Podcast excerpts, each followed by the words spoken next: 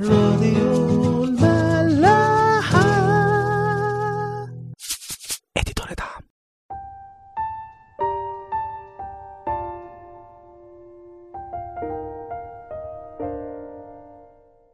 أهلا بيكم في حلقة جديدة من عيش وملح.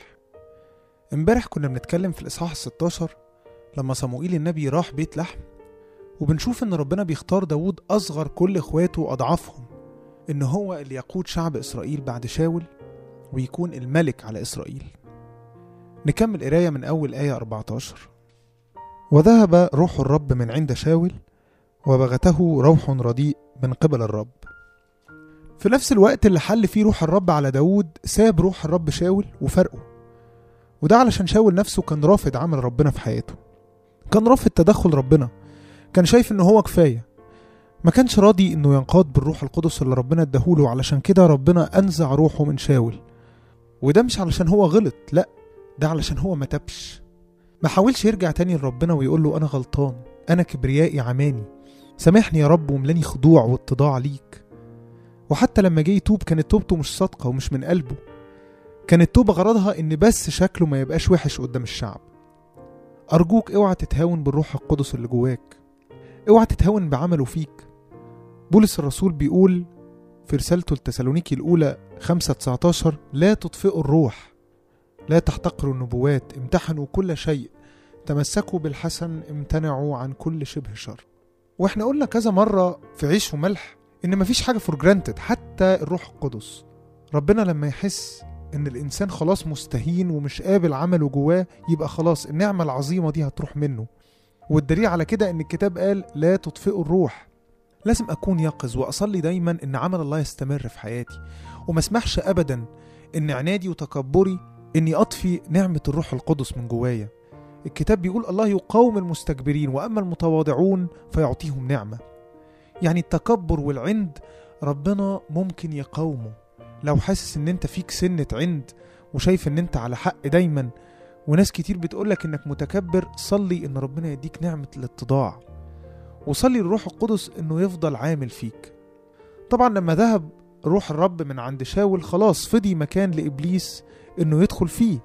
عمر ما القلب هيبقى فاضي. لازم يكون مليان بس يا إما يكون مليان بربنا يا إما يكون مليان بإبليس.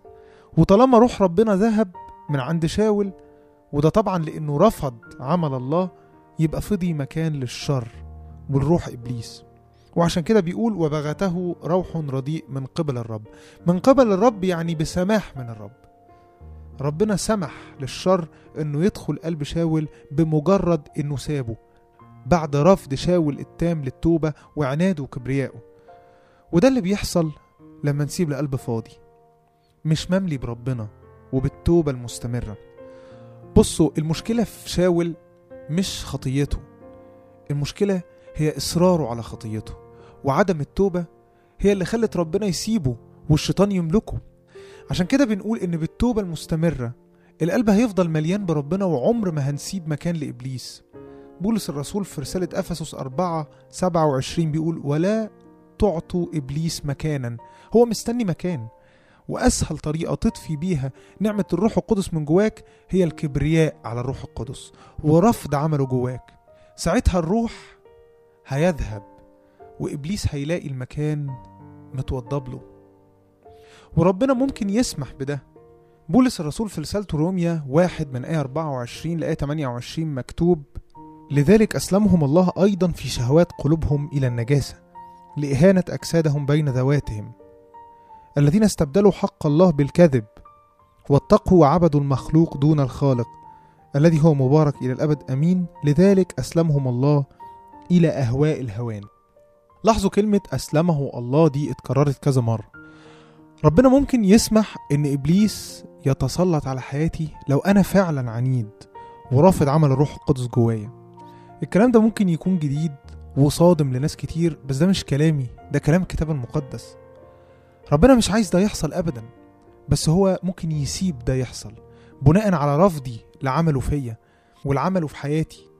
واستهانتي بعمل الروح القدس جوايا وعنادي وكبريائي وعدم التوبة. بس إحنا مش في خطر.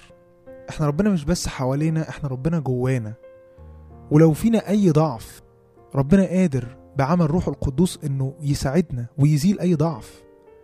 بولس الرسول في رسالة رومية 8 26 بيقول وكذلك الروح أيضا يعين ضعفتنا لأننا لسنا نعلم ما نصلي لأجله كما ينبغي ولكن الروح نفسه يشفع فينا بأنات لا ينطق بها. يعني حتى لو أنت مش عارف ضعفك ومش قادر تصلي عشانه الروح القدس اللي جواك عارف وبيشفع فينا بأنات لا ينطق بيها. نكمل القصة. لما عبيد شاول لقوا إنه كل شوية تجيله الروح الرديء وده طبعا بيتعبه فاقترحوا عليه إن هم يجيبوا شاب يعرف يعزف على العود علشان يهديه لما تجيله الروح الرديء وفعلا هو أمرهم إن هم يدوروا على شاب زي كده ويجيبوه. فقالوا له في واحد اسمه يسا عنده ابن بيشتغل راعي الغنم وبيعزف عود كويس جدا. فقال لهم طب هاتوا. وفعلا بعت شاول رسل لبيت يسا علشان يجيبوا داوود. وأول لما يسا عرف قام باعت داوود ومعاه خبز وخمر وجدي ماعز وبعتهم مع داوود على حمار لبيت شاول. وراح داوود. وأول لما وقف قدام شاول شاول حبه جدا. وبعت ليسا بيقول له داوود هيفضل معايا. لأنه وجد نعمة في عيني. فكان أول لما شاول يجيله روح رديء كان داوود بيعزف ويرنم على العود فكان شاول بيهدى خالص ويذهب عنه الروح. طبعا دي كانت خطة ربنا لداود إنه بيها يدخل داود جوه القصر كاستعداد إنه هيكون الملك. ونلاحظ هنا برضو قد إيه داود كان متواضع إنه عارف إن هو مسيح الرب وإن ربنا غضبان من شاول وإنه اختاره هو علشان يكون الملك في المستقبل. لكن مع ذلك هو ما تكبرش. بس بكل تواضع راح لشاول الملك علشان يخدمه. بكل طاعة وحب. بيفكرني قوي بصموئيل نفسه لما كان بيخدم عالي الكاهن وهو عارف إن ربنا زعلان منه وإن الكهنوت اتاخد منه وهيروح لصموئيل نفسه. هو ده القلب اللي بيحبه ربنا. القلب اللي كله محبة وتواضع حتى للخطاة. داود احترم شاول كملك إسرائيل حتى وهو عارف إن ربنا غضبان عليه. لكن لمجرد إنه مسيح الرب برضه وهو الملك الحالي لشعب إسرائيل داود احترمه وما استكبرش إنه يخدمه ويقف جنبه في محنته. حتى لو كان داود نفسه هو الملك اللي بعد شاول اللي ربنا فضله عن شاول. اوعوا تفتكروا إنه كان خايف منه علشان يمكن لو رفض يروح له كان شاول ممكن يقتله. لا. هنعرف في الإصحاحات اللي جاية إن داود ما كانش بيخاف في قصة جلياط وكل الأحداث اللي جاية بعد كده. ومن وجهة نظر تانية داود عارف إنه مسيح الرب اللي هيكون ملك إسرائيل بعد شاول فأكيد ربنا هيحافظ عليه. لكن كل اللي عمله ما كانش مجبر عليه. لكن هو عمله بدافع الحب والاتضاع. إحنا كمان ربنا كتير ممكن يستخدمنا في الخدمة بالطريقة دي.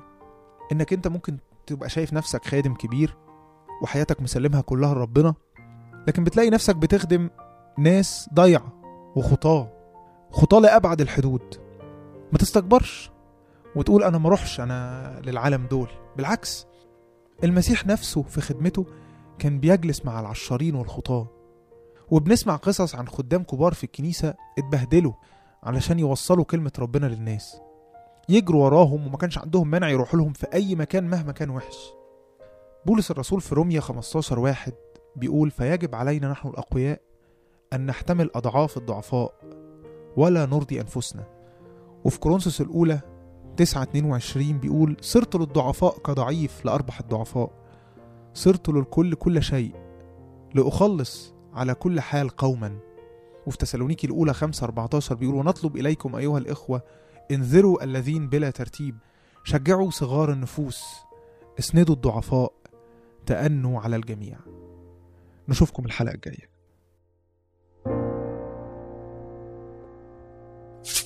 راديو ملاح.